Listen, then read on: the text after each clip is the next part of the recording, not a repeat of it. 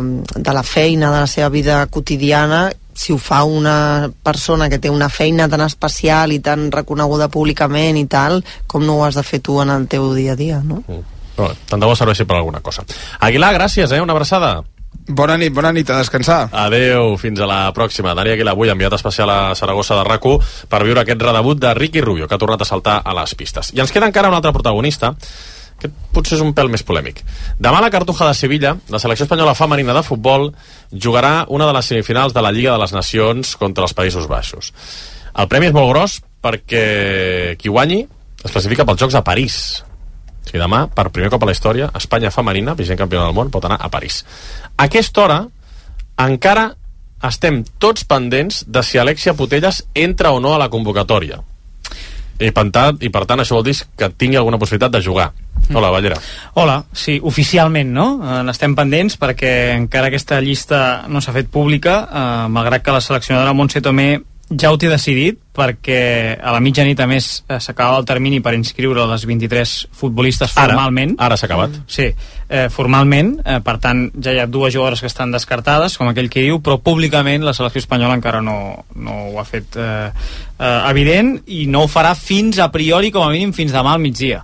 Eh, aquesta és la intenció de, de la federació Dic oficialment perquè eh, tot apunta que Alexia serà una de les dues jugadores descartades. Eh, ja m'ha anat explicant eh, en els últims dies a rac que el seu entorn descarta la possibilitat que ni tan sols jugui un segon en aquest partit de semifinals contra els Països Baixos. Imagina't si l'entorn eh, durant una setmana diu que no, que no jugarà, que no jugarà, que no jugarà i acaba jugant, no? Que, com s'explicaria una decisió així? Seria absolutament eh, increïble. Però vaja, oficialment encara no està descartada.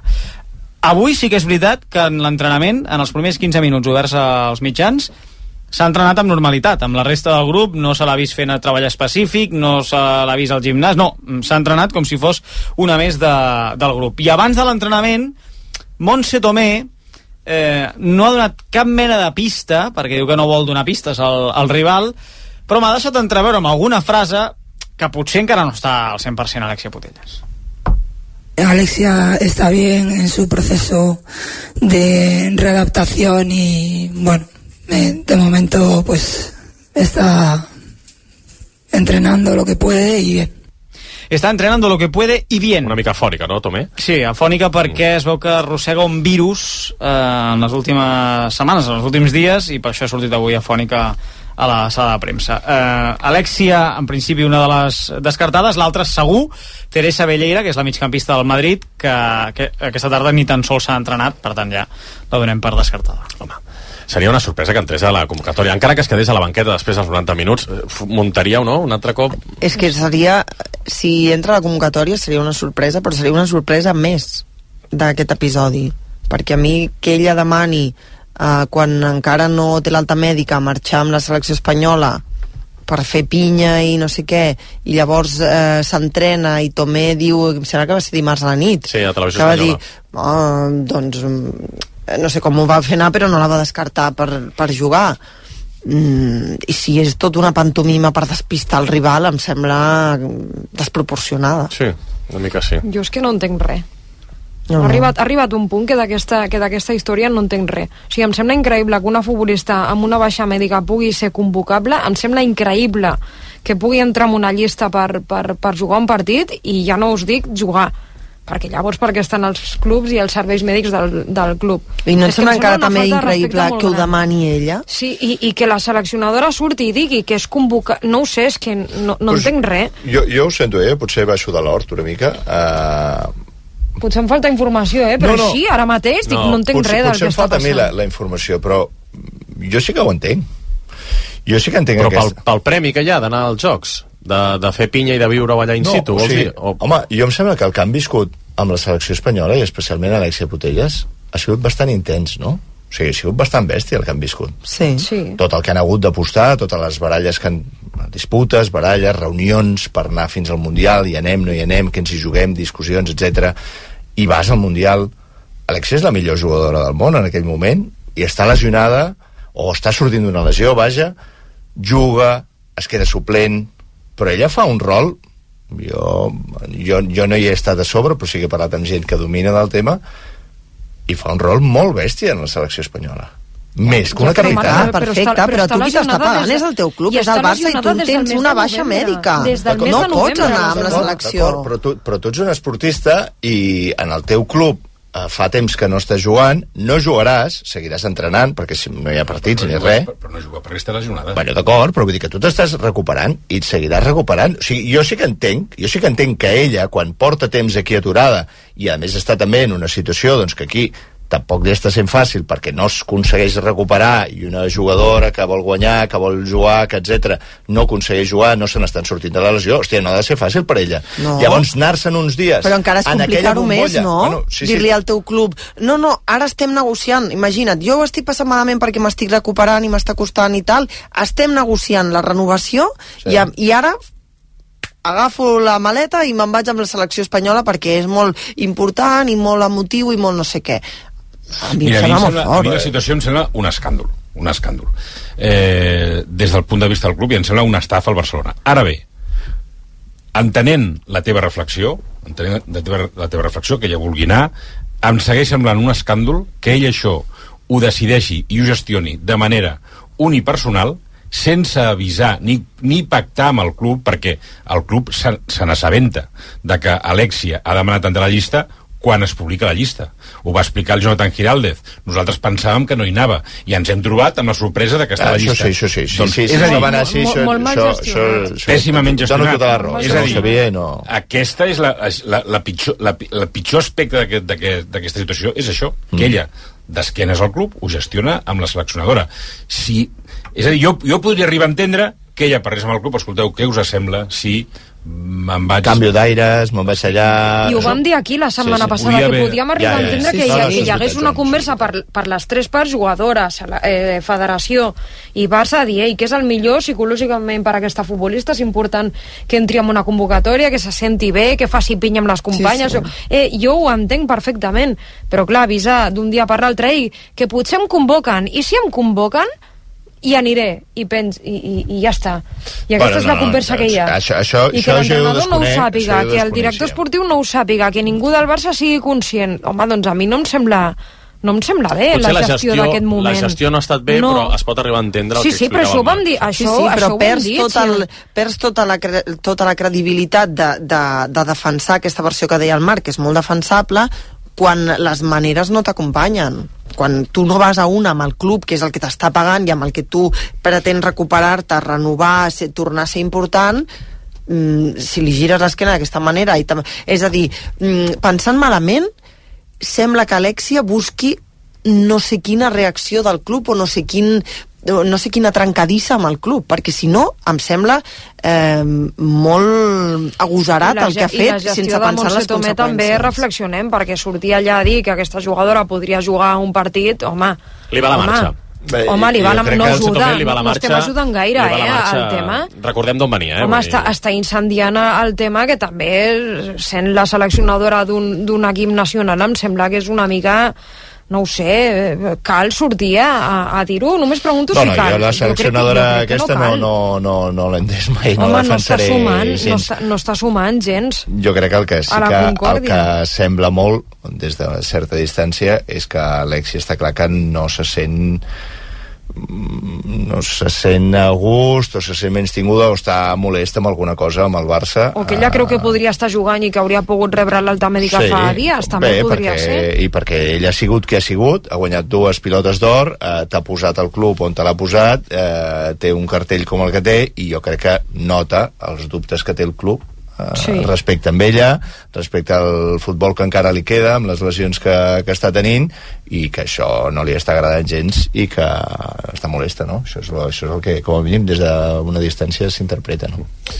Ballera, del partit de demà, alguna cosa més? Uh, sí, uh, és la Lliga de les Nacions, uh, sabem la importància que té la Lliga de les Nacions masculina i la Lliga de les Nacions femenina, uh, és una semifinal, però el que és important, com dic, eh, com hem avançat, eh, com hem eh, dit abans, és els Jocs Olímpics. Eh, es poden donar fins a tres escenaris demà.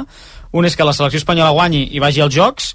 L'altre és que perdi, però en l'altra semifinal, que juga també a la mateixa hora, a les 9 de la nit, a, al camp de l'Olímpic de Lió, eh, en aquest França-Alemanya eh, que França guanyi i que, per tant, dimecres de la setmana que ve a la Cartuja, Espanya i Alemanya juguin una plaça pels Jocs, perquè França ja està automàticament classificada com a, com a anfitriona. O el tercer escenari, el pitjor, per l'equip espanyol seria que eh, perdés i quedaria eliminada en cas que Alemanya passi la final. Aleshores serien Països Baixos i Alemanya les dues seleccions que anirien als Jocs a banda també de, de França. Per tant, hi ha aquests tres escenaris que ens podem trobar demà.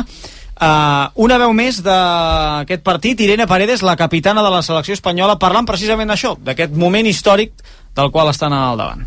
La importancia es de, de 10, evidentemente, nos jugamos mucho. Es la primera vez que tenemos la oportunidad de, de poder luchar, por lo menos estar en, los juegos. Mm, antes era algo que, que, lo veíamos muy lejano, ni siquiera viable. Ahora se nos ha abierto esta oportunidad y, y lo queremos lograr y vamos a por ello.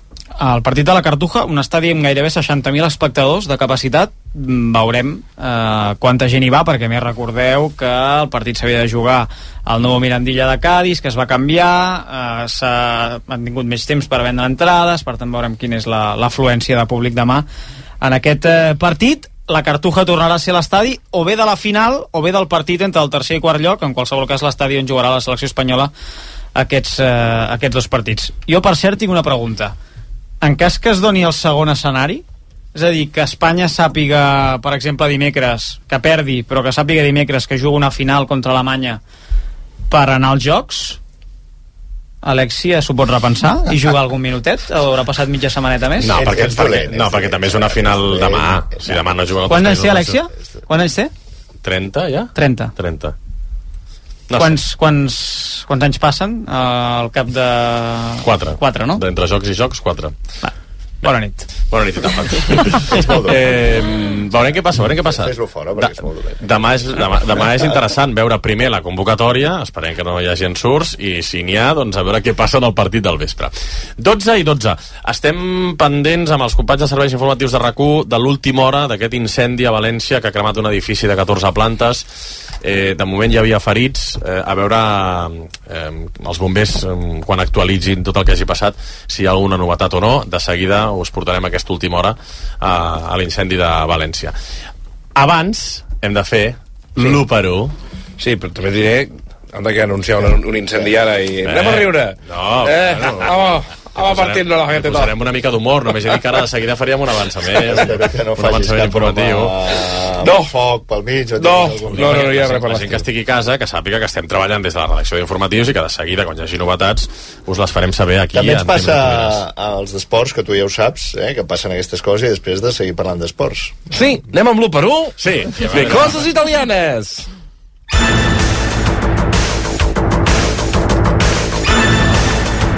L'1 per 1 de RAC1. Què tal, Víctor? Estàs bé, per cert? Estem fantàstics. Així m'agrada. 1 per 1, coses italianes. Comencem a la porteria amb Ter Stegen. Benito Mussolini. Cap al final de tot el van retratar cap per avall. Condé. El Vesuvi, a moments molt calent i en realitat és tot fum i cendra. Araujo. La Camorra, ho controla tot i com a últim recurs et pot trencar les costelles. que és animal. Íñigo Martínez. La Torre de Pisa, surt a totes les fotos i de canto. Cancelo. El trànsit a Itàlia, gira sense avisar, arrenca sense sentit, un descontrol que et desespera des del primer minut. Totalment. Gundogan. Pizza, ens agrada molt si és de fora, però n'hi ha que són d'aquí, són més barats i fan el mateix. Ahir va estar bé, home. Eh, Christensen. L'actriu porno Valentina Napi. Per què? Sempre rep d'esquenes. No, no. Home, no. Aquesta no la conec. Per Targeta favor. vermella, Per targeta favor. Estan buscant al Google i és la no. primera que m'ha sortit. Aquesta no és acceptable. Targeta vermella. Va, De Jong. Fontana di Trevi. Et vas fent un far de tirar-hi calés que saps que directament van a fer aigües. Aquest està ben trobat. La Minja Mal. La tagliatella. Doneu-li tota la pasta que pugueu. Corteta i al peu. Pedri. Lambrusco. És molt bo, però en 5 minuts ja el tens esbravat. Lewandowski. Silvio Berlusconi. Tindrà 350 anys i seguirà mullant com el primer dia. També van jugar Rafinha. El feixisme.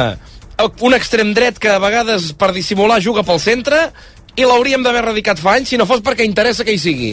Joao Fèlix. Vespa. Classe en té molta, però l'engegues i no corre massa. Oriol Romeu. El papa de Roma.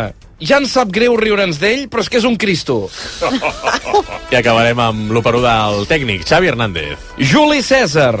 En principi és qui mana, però tothom li va fotent ganivetades per darrere.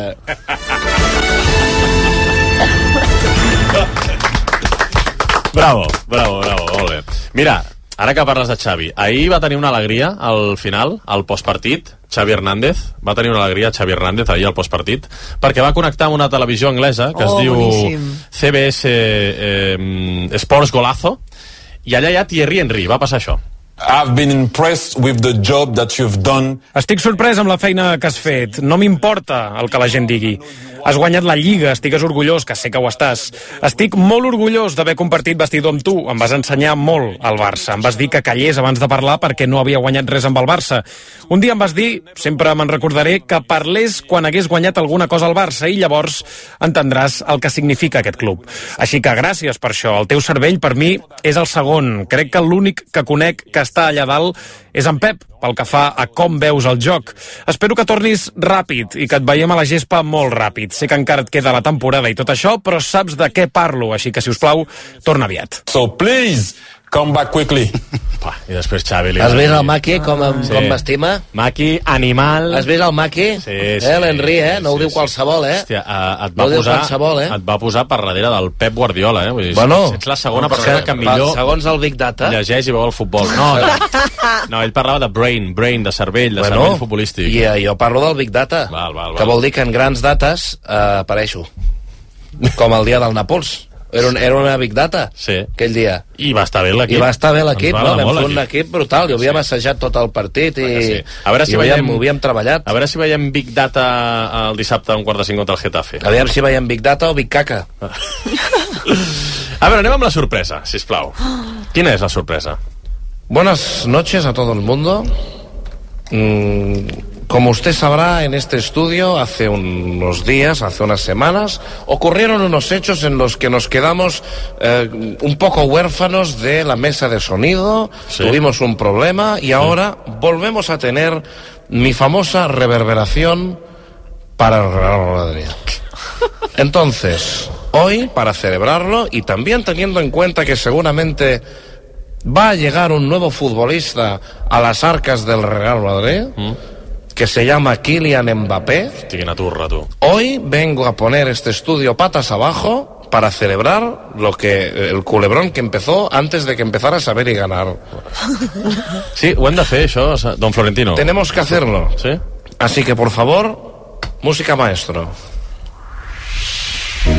Hace muchos años que empezó el culebrón. Kylian Mbappé.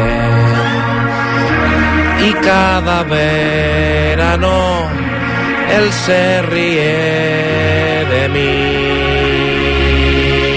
y del Real Madrid.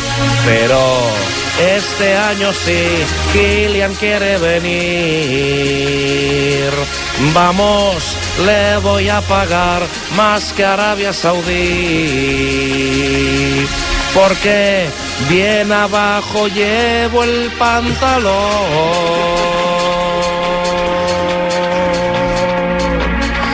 Él quiere venir.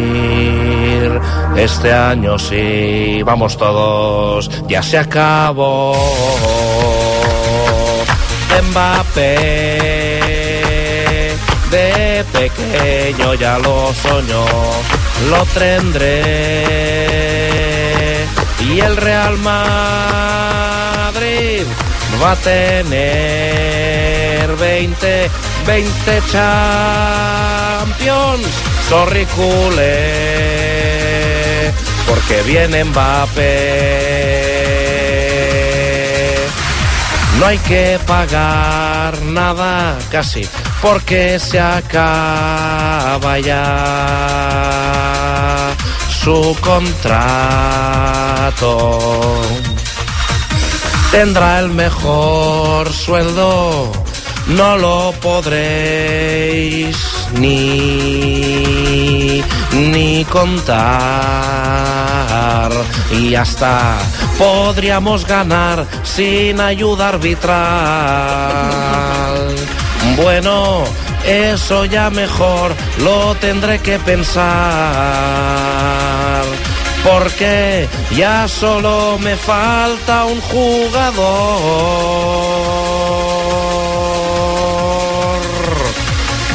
Va a ser el mejor y a campeonar. Porque se acabó.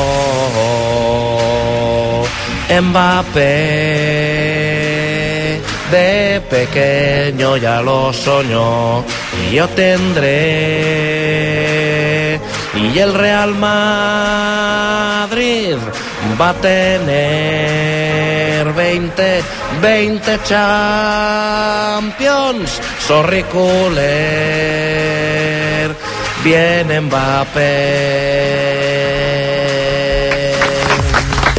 Hòstia. se acabó Sorpresón, eh? Sorpresón, sorpresón. Molt bé. Quina turra que donareu. Ara, et diré una cosa, diré una cosa. Ho vull veure, ho vull veure oficial i publicat. Perquè Sí, yo, no... también. yo también. Porque hemos vendido muchas veces la piel del oso sin tener sin haberlo cazado. Sí, sí, sí, sí, con sí. lo cual espero que esta vez eh, por fin se cumpla mi sueño y yo pueda ya retirarme tranquilo sabiendo que he construido el mejor lo mejor que he construido nunca. Es un jugador nacido para el Real Pa- nació para jugar en el Real Madrid. Ya somiaba, Cuando ya era un embrión, Sí. Ya. cuando ho era un sabíeu, embrión, sabíeu. pudieron analizar sus sueños unos expertos australianos y, y dijeron, y lo dijeron con estudios, que había soñado para jugar en el...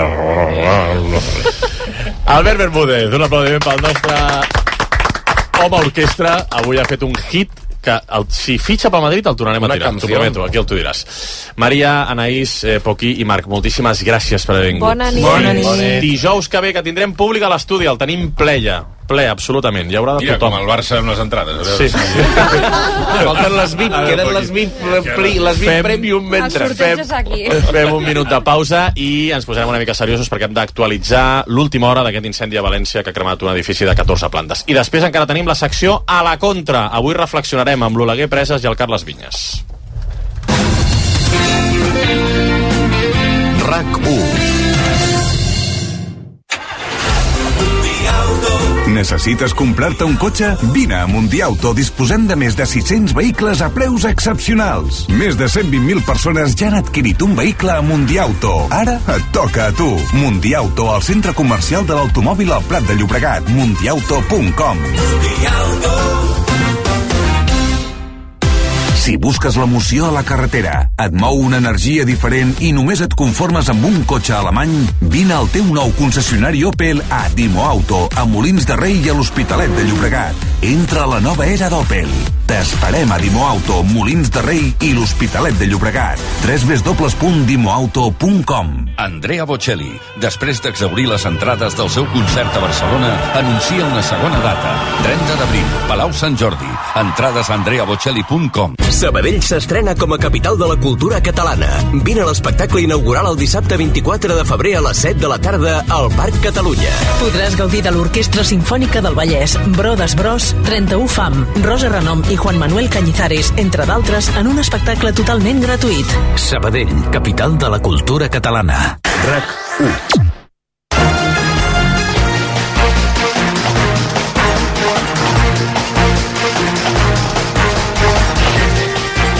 12 i 24 minuts de la nit, seguim el Tu diràs de rac però farem eh, un, un, una aturada en l'actualitat esportiva per, com dèiem, explicar l'última hora d'aquest incendi a València. Tenim aquí a l'estudi de rac el company dels serveis informatius, l'Agustí Serrat. Hola, Agustí. Hola, bona nit. Eh, què en podem explicar a aquesta hora? Quina és l'última hora? Doncs que acaba de compareixer el subdirector general d'Emergències del govern valencià, Jorge Suárez, per donar l'última hora sobre aquest incendi a dos blocs de pisos a la ciutat de València. Suárez ha confirmat que hi hauria víctimes mortals, serien almenys quatre. Això és en este momento tenemos que, que confirmar la peor de las hipótesis que teníamos en este momento. Sí que se puede confirmar que hay cuatro personas fallecidas. No tenemos más, no podemos aportar más información. En este momento la situación de las tareas de extinción están trabajando exclusivamente en el medio exterior. Eh, las, las características del edificio en este momento no permiten continuar haciendo ninguna extinción en la parte interior, con lo cual se sigue trabajando enfriando el edificio por todas las fachadas y ese es el objetivo que va a haber en las próximas horas y es un poco el elemento más importante. Los bomberos van a estar trabajando, continúan con sus relevos y es en lo que se está centrando. No se puede indicar en este momento cuándo se va a poder entrar eh, dentro de la estructura, porque lo primero son los criterios de seguridad de las personas combatientes y es uno de los elementos que posiblemente hasta que no vaya evolucionando o tengamos más luz del día se pueda determinar. En este momento el objetivo se, se continúa enfriando. Esos quizás es los aspectos más importantes. No se sabe si hay más víctimas todavía dentro. Nosotros podemos confirmar únicamente la información de la que tenemos información visual, que en este momento son esta información de las cuatro personas. No nos, se ha hecho, por supuesto, y por respeto a todos los familiares, se les ha comunicado a los familiares, este, hemos, hemos unido el, el equipo técnico con los familiares, se les ha comunicado tanto el listado de las personas que están en hospitales, como evidentemente las últimas noticias. En primer momento, las primeras personas que están siendo informadas son, son los familiares. ¿Hay posibilidad de que pueda colapsar el edificio? En principio no, eh, los bomberos están actuando y están, están analizando la estructura. Eh, sí que evidentemente los criterios de seguridad de un edificio que lleva muchas horas ardiendo con unas temperaturas muy altas es que se esté actuando por medio exterior. Con ese caso es el criterio que están aplicando los bomberos, siempre en un criterio de seguridad. ¿Y se puede hablar de una cifra de desaparecidos? No tengo, en ese momento no tenemos esa cifra, estamos trabajando con todos los familiares y estaremos filiados a todos los familiares de, de las personas que en este momento indican que hay una persona desaparecida. En aquesta mateixa roda de premsa, en aquesta compareixença, també ha parlat l'alcaldessa de València, Maria José Català, que ha confirmat que hi haurà diversos dies de dol, tot i que no ha concretat quants. Per tant, de moment, quatre morts confirmats, Quatre eh, morts. que deien ara des de València. Molt bé. Agustí, qualsevol novetat, fins a la una de la matinada, aquí serem, si no, a partir de la una al butlletí horari ho actualitzem. Molt bé. Gràcies.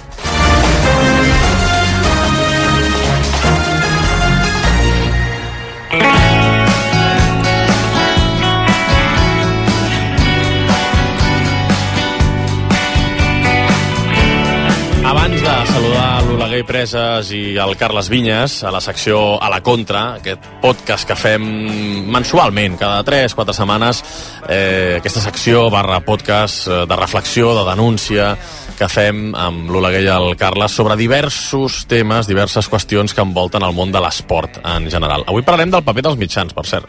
Avui ens posarem davant del mirall, també els de rac i la resta de mitjans, eh, després, per exemple, de les declaracions que va fer De Jong eh, dimarts, no?, criticant a la, a la premsa. Doncs avui parlarem del paper dels mitjans en aquest món, sobretot del, del futbol, d'aquest negoci del futbol. Però abans, un parell de coses més de l'actualitat esportiva. Per exemple, més enllà de la reaparició de Ricky Rubio, n'hem parlat amb el Dani Aguilar desplaçat a Saragossa, aquesta nit, ho dèiem a l'inici, és notícia la victòria de l'Uni Girona a l'Eurocup en el partit d'anada dels quarts de final, Albert Ferran. Sí, Uni Girona 77, Galatasaray 64, és a dir, 13 punts de diferència després d'un gran partit de les gironines, amb un primer quart molt igualat, amb alternatives al marcador. Al segon quart, l'Uni ja ha agafat l'iniciativa i ha marxat al descans guanyant de 6 punts. A la represa, la, el conjunt eh, gironí ha superat la barrera als 10 punts i ha acabat el tercer quart amb un més 11 i en l'últim parcial les de Roberto Íñiguez han arribat a guanyar de 18 a només 3 minuts del final, però eh, en els últims instants l'avantatge ha quedat en els 13 punts de diferència, que és una bona renda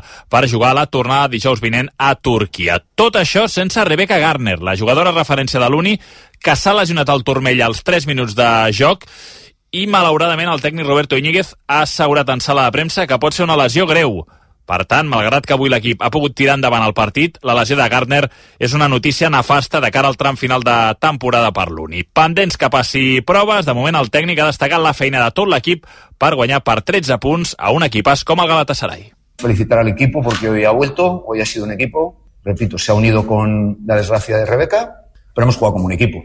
Y con toda la desventaja que supone el talento, el físico, las habilidades que tienen estas jugadoras, creo que hemos competido muy bien y hemos jugado con mucha más confianza que el otro día y sin pensar tanto.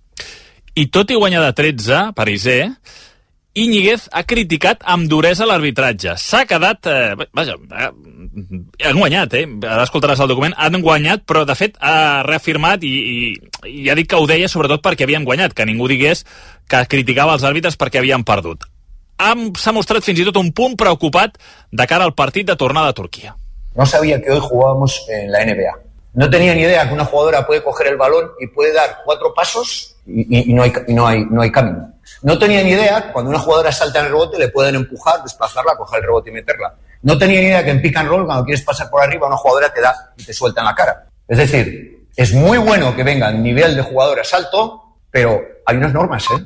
Esto no es el patio del recreo de aquí llego y hago lo que me da la gana porque me llamo no sé qué. Si esto ha pasado aquí, ¿qué va a pasar en Estambul? Doncs eh, és cert que hem vist algunes accions que ens han sorprès molt des de la redacció de jugadores que feien 3-4 passes sense votar. Vull dir, això és un, evidentment no es pot fer al món del bàsquet i els habites ho han permès i estava emprenyat Iñiguez, tot i guanyar de 13 punts que és una bona renda, però compta que el Galatasaray és un dels equips candidats a guanyar l'Eurocup, per tant, eh, ho haurà de suar l'equip gironí d'aquí a una setmana a Istanbul. I ho rematarem amb un altre nom propi del dia d'avui, que és el brasiler Ferrau. Avui ha anunciat que deixa el Barça de futbol sala a partir del 30 de juny. Sí, el brasiler de 33 anys acabava contracte aquest estiu, però tenia un any opcional revisable per les dues parts, en què el club li rebaixava la fitxa, però tot i això seguia sent un dels futbolistes millors pagats de la plantilla. Al final, Ferrau ha descartat aquesta opció i posa punt final a la seva etapa de 10 anys al Barça. Així s'expressava el brasiler als canals oficials del club. La verdad, tenía la oportunidad de quedarme y seguir aquí en el club. Pero las historias más bonitas siempre se acaban a lo mejor, a lo grande. Y yo aquí he conseguido todos mis sueños y todos los títulos. Por eso creo que es hora de partir. Ferrau va arribar al Barça a l'estiu del 2014 i deixarà el club com un dels millors futbolistes de la història de la secció. Segon màxim golejador, 305 gols, només per darrere de Sergio Lozano, que n'ha marcat 330, tres vegades designat millor jugador del món i de moment ha guanyat 22 títols entre els que queden eh, entre els que destaquen quatre lligues i dues Champions, un palmarès que encara pot eixamplar més perquè enguany l'equip aspira a guanyar el triplet. A la Lliga el Barça és el líder de la fase regular, a la Champions disputarà la Final Four i al mes de març jugarà la fase final de la Copa d'Espanya. Ferrau feia aquest balanç de la dècada blaugrana. En 10 temporadas en el Barça he ganado todos los títulos posibles. He disfrutado jugando en el Palau con el mejor ambiente del mundo, sintiendo siempre la estima de la afición y como no de los drags. Lo he dado todo por esta camiseta. Creedme, cuando digo todo, es todo. Y puedo decir que he sido muy feliz y me siento muy agradecido al club y a toda la afición porque hemos conseguido cosas juntos que no fueron pocas. un futbolista que ha marcat una època aquí malauradament, això sí, les lesions han fet la guitza, sobretot el, els últims anys de carrera. Ara mateix segueix recuperant-se del trencament al tendó d'Aquiles del peu esquerre, que es va fer la pretemporada, i si es compleixen els terminis previstos, estarà a punt per la Final Four de, de la Champions del mes de maig. Ferrau, una de les peces que deixarà el Barça a final de temporada. Hi haurà gaires canvis més, Albert? A veure, la idea de la secretaria tècnica és anar renovant la plantilla mica en mica, és una plantilla veterana que s'ha d'anar rejuvenint i eh, també anar retallant la massa salarial. Marxarà Ferrau, que té diverses opcions sobre la taula, una de les apostes més fermes és del Benfica, també té peu i mig fora André Coelho, que també marxaria al Benfica, que és el club de la seva vida, a banda, evidentment, del que acabi passant amb Jesús Velasco, que el, el tècnic, el seu principal desig és convertir-se en seleccionador espanyol i que està pendent de les eleccions a la Federació Espanyola. Des del Barça enca encara no el volen donar per perdut, però vaja, són conscients que està més fora que dins. I pendents també de les negociacions de renovació amb Sergio Lozano, que jo crec que arribaran en bon port, però vaja, de moment són negociacions, el club vol que el capità continuï, malgrat que l'oferta és inferior eh, de l'actual contracte, com totes les renovacions que s'estan fent, i Sergio Lozano vol continuar. Ell ja ha expressat que no vestirà una altra samarreta que no sigui la del Barça, però que encara es veu jugant alguna temporada més. Per tant, les dues parts obligades a entendre's, eh, esperem aviat poder tenir bones notícies i anunciar la continuïtat de Sergio Lozano. Així està el Barça de futbol sala. Gràcies, Albert. Fins ara.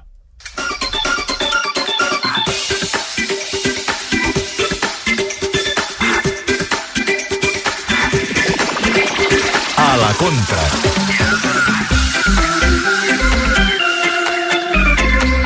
Nou capítol avui de la secció A la Contra amb l'Oleguer Preses i el Carles Vinyes. Hola, Oleguer. Hola, bona nit. Què tal? Hola, Carles, bona nit. Molt bona nit. Com esteu, bé? Molt bé. sí? Perfecte. Avui, cinquè episodi d'aquest, eh, d'aquesta secció podcast que fem aquí al Tu diràs. Avui, compte, que ens fustigarem una mica. Avui parlarem del paper dels mitjans de comunicació. Avui ens ho passarem bé, no? Ens posareu davant del mirall, eh? haurem de fer autocrítica. Una mica d'autocrítica. A vegades va bé. Crec que és necessari. A vegades va bé tocar de peus a terra. Doncs vinga, va, què ens explicareu avui? Oleguer, Carles. Res, com deies, això volem parlar de periodisme i mitjans de comunicació en el negoci del futbol i ens volem preguntar quin ha estat el, el seu rol eh, en el procés de mediatització d'aquest d'aquest esport, diríem, i quin és el model esportiu que ens arriba i quins valors porta associats. Sí, perquè a hores d'ara tots i totes som conscients que l'esport ocupa un espai rellevant de la quota mediàtica, premsa especialitzada, canals temàtics, plataformes de pagament, espais informatius, debats televisius, però com hem arribat fins aquí, no? Té sentit donar-li tanta rellevància? És periodisme tota la informació que es publica sobre la indústria del futbol i l'esport?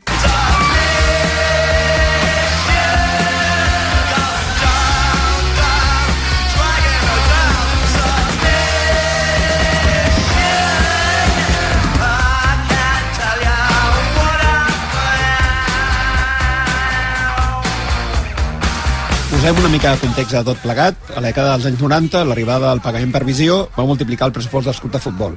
Aquesta injecció de capital acabaria incrementant l'esboranca existent entre els grans clubs i els més humils, a la vegada que permetia ampliar el negoci futbolístic. El futbol, per tant, més enllà de la seva popularitat, guanyava una major rellevància i presència a nivell social. Aquest element va contribuir a allò que el professor de la Universitat de Vic, Xavi Ginesta, anomena la disneïtzació del futbol. És a dir, convertir-lo en un espectacle on cada vegada importa menys la part esportiva i, en canvi, guanya pes l'espectacle que s'organitza a partir d'aquest. En aquest procés, la influència i el poder dels mitjans de comunicació és molt significatiu. Els clubs uti- utilitzen els mitjans de comunicació i els mitjans eh, de comunicació utilitzen els clubs. D'aquesta manera, es retroalimenten mútuament per créixer en popularitat, presència i així incrementar les vendes i ingressos. Però al mateix temps, s'ha anat deixant de banda la tasca periodística per simplement reproduir les informacions que arriben des dels clubs. El següent pla, pas estava clar. Els clubs van decidir crear els seus propis mitjans, no des d'una visió periodística, sinó com un element de publicitat, influència i d'entreteniment, i sobretot per difondre el seu relat oficial, eh, que sovint és l'únic que ens arriba. En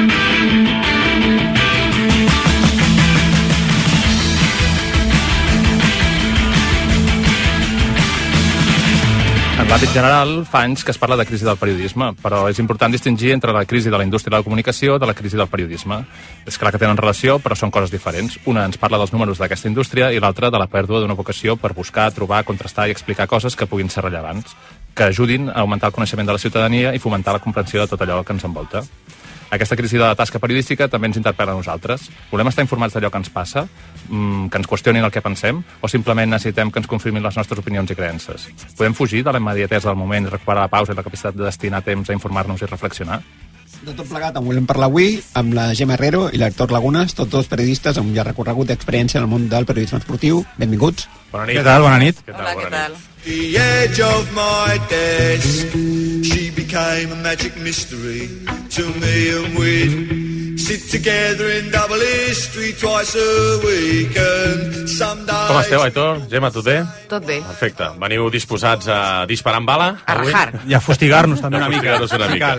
A veure, va, per on comencem, Carles? Oleguer, aquest debat crec que interessant també i que ens posa una mica a nosaltres eh, davant del, del mirall. Sí, doncs volem començar a preguntar-vos l'obvietat, no? Quina funció creieu que té actualment el periodisme esportiu i si ha anat canviant respecte a èpoques anteriors? Mm, Crec que la, el- la función hauria de ser la de sempre, que és la de informar i analitzar, posar context a, a l'actualitat i a lo que està passant. Una altra cosa és que s'aconsegueixi. Sí, hi ha de tot, eh? Aquí hi ha de tot. Sí, efectivament, hi ha molts tipus de periodisme esportiu, com hi ha molts tipus de periodisme polític, eh, econòmic, generalista, etc etc. Però en general sí que crec... Um, vosaltres heu fet un recorregut molt interessant, no?, d'aquest procés de disneïtzació del, del futbol, de com el futbol ha trobat en l'espectacle una, una sortida econòmica fins i tot pel, Un per la negoci, indústria, un negoci, un negoci directament. Clarament, I a mi m'agradaria portar també, diguéssim, la visió de, del recorregut o de l'evolució del, del, del periodisme. No? Al final, el periodisme esportiu sempre ha estat un periodisme més d'entreteniment que no pas, eh, diguéssim, d'informació vital per la societat. No? Ja des de fa 100 anys, quan va començar a sortir diaris com, com Mundo Deportiu, etc. Al final la gent, bueno, eh, els hi va molt la vida en que el seu club guanyi, però no els hi va tant com si hi ha una guerra, si hi ha un canvi de govern, si hi ha una pujada dels preus del pa, etc. Una pandèmia, Una pandèmia, exemple. efectivament. Sí, Llavors, sí. És, és un periodisme més, més d'entreteniment. Llavors, eh, quan el periodisme creix per la banda de l'entreteniment i es troba amb un entreteniment que es converteix en indústria, com és el futbol, es genera una barreja perfecta. Una barreja perfecta que, a més, coincideix amb un altre canvi de paradigma. El, el periodisme on la, la Gemma i jo vam començar a treballar era un periodisme de demanda. El, el contingut, la informació, era un, un bé al qual tu t'havies d'apropar, tu t'havies de, havies de fer el gest d'anar al quiosc, o havies de fer el gest de posar la tele a, en un moment determinat, en un canal determinat, o havies de buscar la ràdio. Llavors, hi havia una demanda d'informació, hi havia una demanda d'aquest producte, si volem eh, dir-li així, que era la informació. Ara ens trobem que en pràcticament 20 anys hem canviat absolutament el paradigma i ens trobem en un paradigma d'oferta, no d'oferta, d'hiperoferta. Qualsevol persona amb un ordinador o un mòbil no, no, pot, mòbil. pot portem, explicar... Portem una finestreta molt petita a sobre, a, a tot arreu, a qualsevol moment, que t'obre un ventall immens, inacabable, d'oferta de... I aquí podem parlar de si això és periodisme o és només comunicació, però en qualsevol cas al voltant del món del, món del futbol, que a més a més necessita constantment eh, actualitzar-se i incorporar noves veus. I, per tant, no sempre aquest procés és un procés que va de la mà de la qualitat, sinó que va només de la, de la mà de la quantitat, la que quantitat d'opinions. Abans cuando tú decías lo del, lo del bueno, lo de el- los medios, la seriedad de, de, de los medios o de la información que se publica, es que, claro, es que, es que no es lo mateix, mm, qué sé yo, un medio tradicional que et pots equivocar, pero, pero detrás hay, bueno, gente que, que piensa, que reflexiona y que tiene un modus operandi eh, para hacer las cosas o para transmitir la información que te llega. Y ahora estamos rodeados de campi que puy. Eh, lo primero que te arriba es lo primero que dices y son informaciones absolutamente interesadas. Es más propaganda que, que información Però no en dif- muchos casos. No diferenciaríeu entre el que és periodisme, no? que és una cosa que s'estudia, que té eh, uns paràmetres, unes normes, m'atreviria a dir, una manera de fer, i l'altre és comunicació, no? Clar. I llavors jo crec que hem de, hem de separar molt bé això, perquè moltes vegades es barreja... Sí, però, però, però, Alex, Sí. però, però jo et diria mm, sí, però hi ha molts periodistes amb càrrec que fan entreteniment i no, Sí. passa, Sí, sí, i no no passa passa res. res. I no passa res. I jo en aquest sentit, en aquest sentit soc molt poc corporativista. Vull dir, també. que, que no considero que tots els periodistes facin un periodisme No, no, jo tampoc. eh, excepcional i el New York Times i tots els comunicadors estiguin fent show, perquè estem trobant que, que els comunicadors que ara s'obren un canal de Twitch, que per cert em sembla una via perfecta, sobretot per la gent jove, per accedir a una quantitat de públic interessant, etc etc.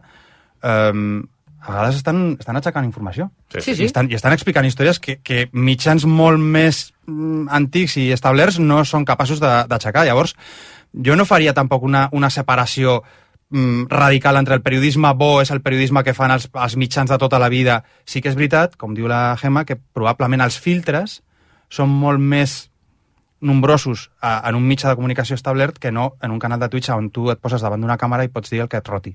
Ja, és veritat. Agafant el fil d'això que deia abans la Gemma, no? De tertúlies veiem sovint, no? Eh, es destinen molt temps a explicar un dia a dia que molts cops és irrellevant, no? Per omplir espai, no? Llavors, en canvi, aspectes que, tenem, que tenen una rellevància política o social, com comentaves abans, Aitor, queden, doncs, normalment relegats, no? Per exemple, sobre el Mundial de Qatar o sobre la Supercopa juga Aràbia Saudita, i són poc visibles, els, els, tenen poc espai els mitjans. Llavors, què ens fa diferent respecte a altres països, com els països nòrdics d'Alemanya, que aquests temes sí que s'han tractat i s'han abordat? Jo crec que quan va començar el, el Mundial de Qatar, crec que tothom, vamos, en la, en la majoria de los, dels mitjans es va fer una reflexió sobre què significava eh, jugar un Mundial en, en Qatar i es va denunciar la situació i es va publicar eh, que, que Qatar es lo que es, vaya, un, un régimen autoritario donde los derechos humanos se los pasan por el forro, igual que Arabia Saudí. Lo que pasa es que una vez que comienza el Mundial, en el, en el programa de deportes, ¿de qué se habla? De deportes. De una vez que, claro, y una vez que empieza y que la pelota ya está rodando, hablas de deportes. Mm, Jo, és veritat que, deixa'm tirar cap a casa, el tu diràs, vam, és veritat, vam fer això, vam dedicar un programa especial a trucar a drets humans, a, a, als cònsuls i a intentar explicar el que hi hauria allà i el que passa allà. Més enllà de que, evidentment, Sí, això no es va però- aturar. Vam parlar del, del conflicte LGTBI amb, alguns, eh, amb algunes seleccions, amb les Mm. samarretes. Vam enviar una persona d'informatius a cobrir l'altre mundial, la Mar Poyato. És a dir, sí que ho vam intentar. És cert que després la piloteta tira molt i l'espectacle Sí, acaba la tirant pregunta, molt. Però, eh, Aleix, la pregunta del... Eh... Carles. No, no, la pregunta... De... Sí, sí, del Carles, però vull dir, la pregunta estava plantejada en el sentit de com la gent d'ac- d'actualitat moltes vegades intrascendent Ah, ens sí. tapa. Ens tapa mm, Sí. una realitat que és molt més important que probablement la roda de premsa de l'entrenador X o Y. Quan vosaltres esteu parlant de que, clar, quan va arribar el Mundial, clar, és que mm, quan va arribar el Mundial és que probablement ja era tard, perquè eh, probablement el que s'havia de el que hauríem hagut de fer és plantejar si, per exemple, la selecció espanyola mm, no hauria d'haver fet un, un, com a mínim un plantejament de boicot, de boicot de, de participar en un Mundial comprat directament per Qatar a una organització corrupta com és la FIFA. O sigui, tot mal, tot malament, tot malament. Llavors, jo no vaig escoltar cap veu en cap mitjà de comunicació a Espanya plantejant la possibilitat, no, només la possibilitat, de que Espanya es plantegés no anar al Mundial. Això és impensable. I, no, però perdona, però és que, és que el Carles ha plantejat què passa a Noruega. A Noruega es van plantejar que la selecció noruega, que després no es va cla mm, classificar esportivament, no, no, no, però abans de, de saber si es classificava o no, directament, per qüestions de drets humans, no havia de participar en el Mundial. M'hauria agradat veure si s'hagués classificat Haaland, què hauria passat. pues mira, jo crec que la pregunta, responent, eh, Carles, eh, què ens diferencia el periodisme esportiu d'Espanya del periodisme esportiu d'Alemanya o de Noruega o de Suècia o de Dinamarca és que eh, mm, no som Dinamarca ni Suècia ni Noruega. és, és una cosa com bastant senzilla, no? Vull dir, el, el, el marc cultural és tan diferent que es poden plantejar coses que nosaltres aquí és impossible que ens plantegem. Impossible. Que una selecció, el que deies tu, no? que és un, és un comentari que vaig escoltar moltes vegades llavors, no? De, bueno, bueno, però si se classifiquen no, no diran que no van. Bueno, pues la diferència és que allà van votar els aficionats eh, perquè la Federació eh, Noruega està mm, diguéssim, muntada amb una participació molt més important per part dels aficionats i dels seguidors i dels socis dels clubs. Llavors, és molt més participatiu. Aquí, evidentment, eh, és que ni es va arribar a plantejar perquè, per començar, qui estava de president de la federació ja sabem qui era. Sí, Si, si Rubiales ha de decidir Senyor Rubiales, si sí. Espanya ha de fer un boicot per qüestions de drets humans, pues apaga i vámonos. És el mateix que tanca el, el, tanca el contracte per jugar a la Supercopa a Aràbia Saudita. I que és el mateix que després es reuneix amb els mitjans de comunicació desplaçats a Qatar perquè tothom vol mm, formar part del, del cos de mitjans de comunicació que cobreix el Mundial i que cobreix la selecció, perquè a més això suposa més visites o més lectures o més escoltes o més eh, visualitzacions a on sigui, llavors quin, quin marge hi ha? Pues és molt, molt, molt, petit. petit. Nosaltres des de Panenca, sí, clar, vam plantejar i van expli vam explicar el que passava pa- a, a Noruega i vam obrir la porta a dir això que està passant no només a Noruega, a Bèlgica, a Països Baixos, a Alemanya, a Dinamarca, no hauria de ser el que hauria d'estar passant també a Espanya. Els jugadors van sortir amb, amb samarretes i pancartes a favor dels, dels drets humans, que dius, ja veus tu, quina, quina revolució, eh? Està a favor dels, dels drets humans. Bueno, pues, en aquell mateix moment, recordeu, va ser, per exemple, quan Espanya va jugar eh, amb Kosovo i la televisió estatal no va poder dir que estava jugant amb Kosovo. Va, va haver de dir... Los azules. Los azules o el territorio Això va, kosovar. Patètic va ser. Bueno, pues és que forma part tot del, del mateix marc cultural. Sobre, una sobre, mica- Perdona, sobre això d'Aràbia Saudita. És cert que també vam denunciar-ho i després RAC1 va anar a l'Aràbia Saudita. Sí, aixequem la mà. I jugava, i jugava al però- Barça, els lògic- oients volen saber què però fa el evident- Barça, evidentment, però en els dies anteriors vam intentar denunciar tot això. Després vam passar per l'embut, vam passar per l'embut, sí, jo ho reconec, vam passar per l'embut com tots els mitjans que van Hay, anar a l'Aràbia hay un Saudita. marco que no hay que perderse tampoco y es, yo me, me acuerdo perfectamente, la primera Supercopa que se va a disputar Arabia Saudí y yo como soy autónoma y hago los artículos que, que quiero y nadie me dice lo que puedo publicar o, o no, eh, fui, fui muy crítica, muy crítica. Y el, la luz de comentarios que te llegan, cuando eres crítica, cuando osas tocar algo que se supone es lo de, pero que, ¿y qué quieres? Pues, pues es la Supercopa, en fin. Eh, me ha pasado ahora otra vez recientemente con Rafa Nadal. El decir que Rafa Nadal había hecho unos comentarios machistas, porque es que no, o sea, son inequívocos, en fin, o sea, son inequívocos, pues eh, hizo que el señor Jorge Busadé, que es el jefe del Parlamento Europeo de Vox, citara mi artículo en Twitter y no te quiero ni contar los últimos días cómo tengo el Twitter. O sea, la clase de insultos, de violencia y de agresividad que se recibe. Y, y- y la, la mm, directa relación entre la fachosfera y el deporte, creo que algún día de estos tenemos que plantearnos. Por- pregunta con, todo el marco cultural, ¿eh? Todo. Porque hay una relación Esportistes- directísima. Esportistes inclosos. Totalment. No, no dic, la pregunta una mica anava per aquí, la, la, la manca de, una mica d'esperit més crític del periodisme i de més d'aquest poder de pressió a nivell social, no? Com deia l'Aitor, potser s'hauria hagut d'exercir quan va ser designada seu del Mundial Qatar, no? En tot l'entramat que hi va haver de corrupció. Sí, però és veritat que, que jo crec que aquest Mundial és un molt bon exemple, entre altres coses, també per, perquè t'interpel·la a tu com a, com a Com professional. humano. I No, no, i, i com a professional, perquè jo directament també em, vam, em vaig plantejar si jo havia de, de cobrir com a, com a analista o com a Clar. periodista un Mundial eh, que directament sabia que era una operació de màrqueting gegant a favor d'un règim zero democràtic. Llavors, jo mm, recordo que al final eh, parlant amb companys que vam estar fent el, el canal de Gol Mundial on es va veure el, el Mundial eh, a, a, vull dir, jo, jo vaig exposar la, la meva visió i vaig dir la primera intervenció que tingui mm, vull que sigui mm, que vagi per aquí, que no vagi pel, pel, mm, pel futbol, ni per les seleccions, ni per l'estat de forma, ni res. I és veritat que després, durant el Mundial, jo vaig tenir la llibertat de poder parlar i de poder denunciar allò que no m'agradava, però també és veritat que jo hagués pogut fer una altra cosa encara més radical, que és directament haver re renunciat a, a participar. El que et deia jo de si RAC1 havia d'anar a l'Aràbia Saudita el primer cop que es fa això o no. Doncs al final eh, vam decidir intentar des d'allà explicar i, i denunciar totes les eh, qüestions que afectaven els drets humans o a les dones en aquell país, amb la Marta Ramon, o amb el Joan Maria Pou, o amb la resta d'enviats especials que hi vam, que hi vam seguir. Eh, és, és un debat molt interessant, perquè què has de fer? En aquest Enteus sentit- els oients, eh, però no...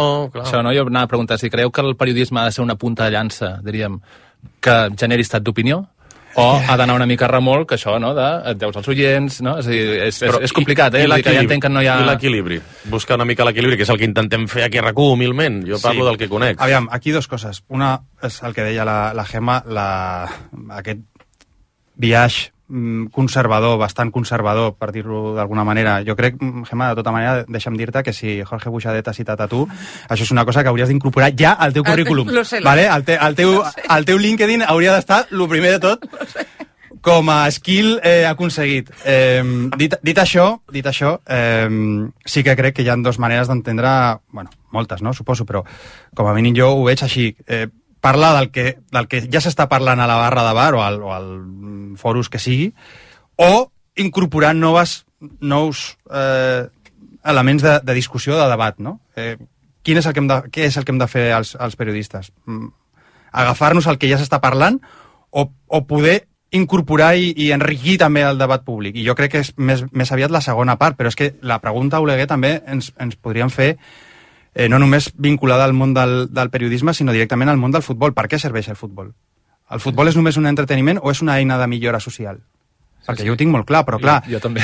I jo sé que tu també ho tens molt clar. Futbol Club Caserna, Panenca, vull dir, sí, eh, sí. Crec que eh, la pregunta no anava per tu, Oleguer, perquè, perquè sé com, com ho veus, però vull dir, jo, jo, la meva visió és que el futbol és una eina tan potent, té un, un poder, una capacitat tan gran de mobilitzar i de visibilitzar situacions que d'altra manera a molta gent no li arribarien. O sigui, de debò, el futbol, per exemple, el Barça, ara estàvem parlant del Barça, va jugar un partit, va, va haver de, de jugar un partit a Hamburg contra un equip que és el Shakhtar. guerra, sí, pues clar, potser hi ha molta gent que no, no consumeix informació generalista, política, eh, social, i que se n'assabenta que hi ha una guerra a Ucraïna mm, perquè el Barça ha de jugar a Hamburg. Però, Hitor, racisme, masclisme...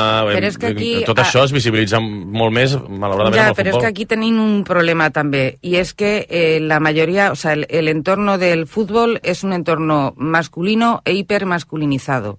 Hombres blancos heterosexuales hablando que tienen muy poco, muy poca conexión con, con otros colectivos o que tienen, son muy poco permeables, ¿vale? Y son los que nos hablan de, mm, claro, así pasa que cuando tienen que salir de la pelota, o sea, cuando tienen que hablar de racismo o de machismo, Homofobia.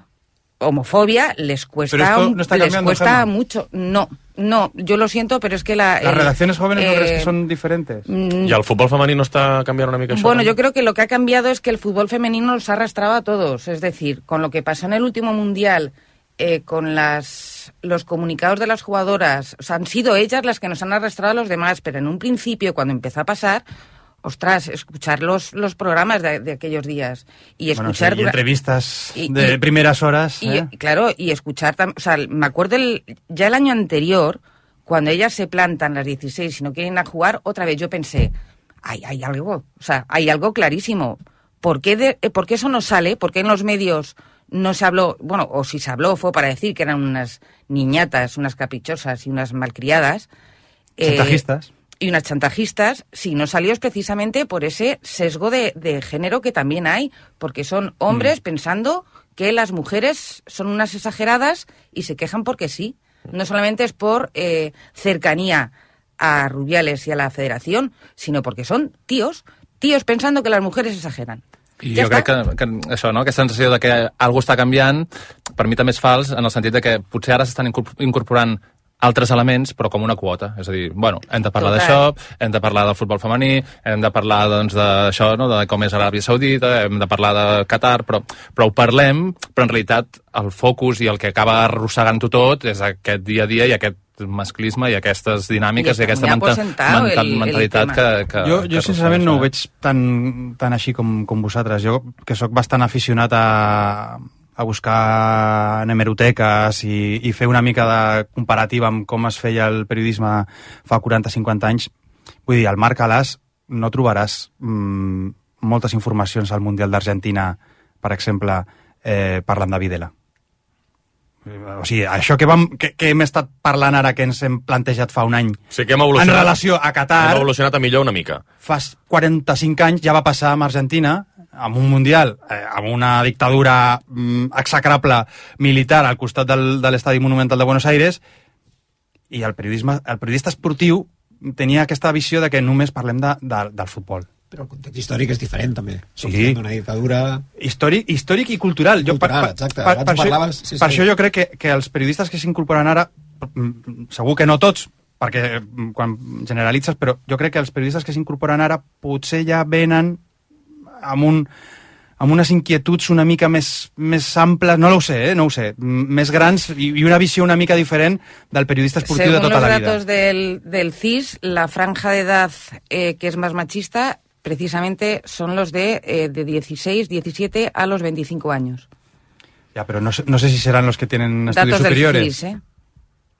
Los, los más machistas son la franja de edad de 17 a 25. Si son estos los que se están incorporando ahora a redacciones, ostras, wow. Sí, no. Una mica el fil aquest de futbol i poder eh, com a sinònims. Volíem parlar també de quina relació mantenen els clubs amb els mitjans, no? Mm. Sembla molt interessant, no? Com s'estructura aquesta relació, aquest poder condiciona el periodisme? Eh, se retroalimenta un poco, o sea, tú necesitas de los clubes de fútbol. En el día a día, por ejemplo, eh, una rueda de prensa, el tener acceso a, a poder hacer una entrevista a un jugador, que cada vez es cada vez es más, más difícil y los clubes también necesitaban de los medios de comunicación. Ahora, como habéis contado vosotros, tienen sus propios sus propios medios para hacerlo, desde canales de televisión hasta, bueno, pues otras historias.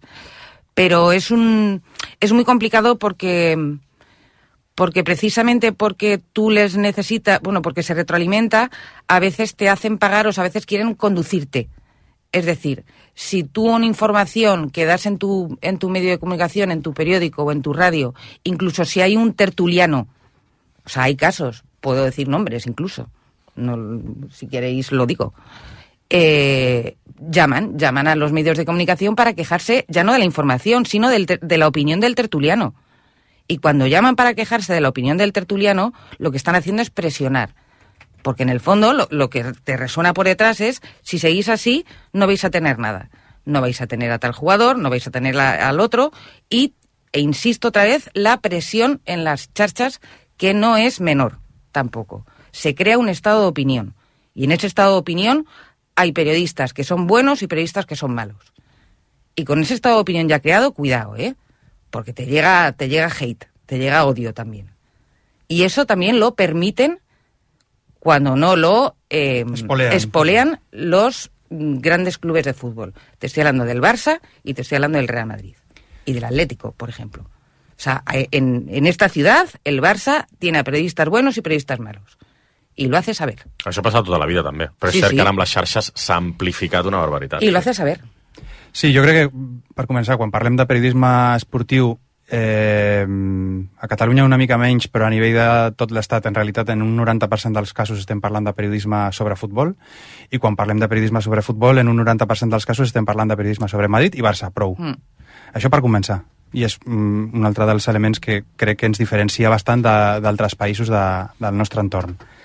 Per continuar, diu la Gemma, eh, pe- periodisme o mitjans de comunicació i clubs de futbol es retroalimenten. Crec que, la- lamentablement, eh, ens trobem en una situació on mm, els mm, clubs consideren que ja no necessiten tants, tant els mitjans de comunicació. Els mitjans de comunicació, mm, de ben segur que sí que necessitem els clubs per poder accedir a contingut, tal, però els, els clubs eh, el que necessiten dels mitjans de comunicació crec que són els 40 quilos que ingressen per jugar a la Liga i per eh, drets audiovisuals i tal. Més enllà d'aquí, cada club té eh, les seves eines, els seus, les seves xarxes socials, el que pot mm, manté la seva televisió i d'alguna manera vol influir, controlar el relat, no? aquesta, aquesta figura que es fa servir tan, tan sovint i que és així. Eh, per què mm, t'arrisques, per què arriscar-me a que parlin de mi quan puc parlar jo i decidir què dic i que, i que n'amago, no? I aquí sí que entra quan parlàvem abans del, dels reptes o dels dubtes eh, personals i professionals que, que podia plantejar-nos, eh, a mi personalment, parlar del, de futbol en un país com a Qatar en un Mundial comprat o a vosaltres aquí a RAC1 eh, pues per cobrir la Supercopa d'Aràbia Saudita, clar, quan són coses que són tan externes i tan llunyanes, no crec que el, el debat intern sea molt gran. Al final, bueno, pues oye, mm, qui té Te pilla aquest- lejos. me pilla lejos, al final eh, de Qatar no, malo serà que alguien me diga algo, eh, o en Aràbia Saudí, però clar, quan és la teva ciutat? Com, com deies tu, no? Quan tu notes ja directament es- aquesta pressió de si dic això o si trec aquesta informació... Quants anys eh, va estar el senyor Bartomeu? I fent i desfent, i al final va ser molt al final que vam començar a veure ja eh, informacions molt clares i molt evidents de, de situacions mm, molt cridaneres, no? Llavors, vull dir, Per això, perdona, Aitor, és llei del silenci, és manca de voluntat, és... eh, Sí, és, que, és, que, condicionament és que saps què passa? Que és que s'ha de, de compassar una professió que crec que té una finalitat pública, com el periodisme, amb una indústria que té una raó privada. I això és molt difícil. O sigui, d'aquesta d'aquesta combinació hi ha com un desequilibri constant i unes tensions que són, que són normals. És a dir, eh, nosaltres com, com a revista pues, probablement en alguns moments eh, ens hem hagut de- d'empassar de, algun, alguns gripaus que no ens venien de gust però que ens han ajudat a, a, a pagar pues, les, les nòmines i a mantenir una empresa eh, oberta. Llavors, clar, mm, això que, que passa a un nivell molt petit que és Panenca, pues, no m'ho vull imaginar en un altre mitjà de comunicació més gran. Clar, és que jo insisteixo, dir, hem de trobar l'equilibri entre tot, des del meu punt de vista. Perquè, clar, una cosa és un mitjà públic i l'altra és un mitjà privat. Vull dir, RAC1 necessita tenir audiència per seguir subsistint, no? Per tant, hem de trobar l'equilibri entre donar-li al públic el que vol, que és Barça i Madrid, i alhora trobar espais, com per exemple aquesta humil secció, per poder denunciar segons què. El Jo ho intento fer cada dia. Vull dir, Vol això o el mitjà vol crear... Si l'oferta de demanda, això caldria revisar-ho, potser, no? Home, jo fa 22 anys que faig ràdio i el Barça s'ho menja tot, des de fa 22 anys.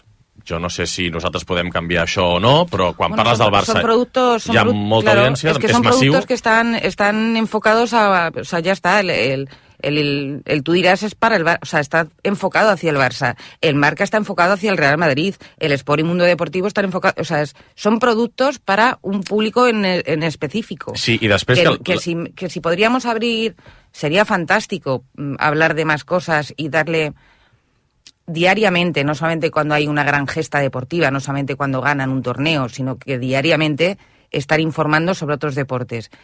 Estaría muy bien, pero eh, ahí vamos con lo de la crisis de los medios de comunicación. Si los, si los sponsors, si los, eh, si los que invierten en esos medios de comunicación lo que quieren son resultados y nada más que resultados, es decir, cuánto se vende, eh, eh, cuántos clics hay, es, es, es muy difícil. Es muy difícil no hablar solamente de, de Barça y, y del Real Madrid. A mi, m'agradaria provar durant una setmana o dues setmanes, intentar no? fer alguna cosa més eh, Tenemos la costumbre de comer también, y claro, para comer a veces... O social, però, Però, perdona, però, però, però, Aleix, però, si però- això baixés en picat... Que... Però tu dius que portes 22 anys fent ràdio i una secció o un podcast com aquest potser fa 22 anys hagués estat impossible. Potser sí. Fa 22 anys no existia una revista com Panenka. Segurament. Ni, ni Libero, ni Volata, que al final no deixa de ser també un producte de nínxol. És a dir, quan parlem del, del nou paradigma dels mitjans de comunicació també hi ha un punt molt positiu que és que ara és me, més fàcil adreçar-te a, un, a un nínxol de, de públic que potser mm, s'interessa per les mateixes um, pels mateixos temes i per, i per la teva visió una mica diferent o alternativa al, al, al, al missatge, diguéssim, eh, general i, i, i mainstream. Llavors, crec que això és una qüestió positiva. Eh, L'altre dia em, em, em deia eh, un conegut que, ostres, m'agradaria una panenca de tennis. Dic, pues, bueno, pues, sí, no existeix, però suposo que, que pot arribar a existir. O sigui, al final, a la pregunta de si és l'audiència la que crea el mitjà o és el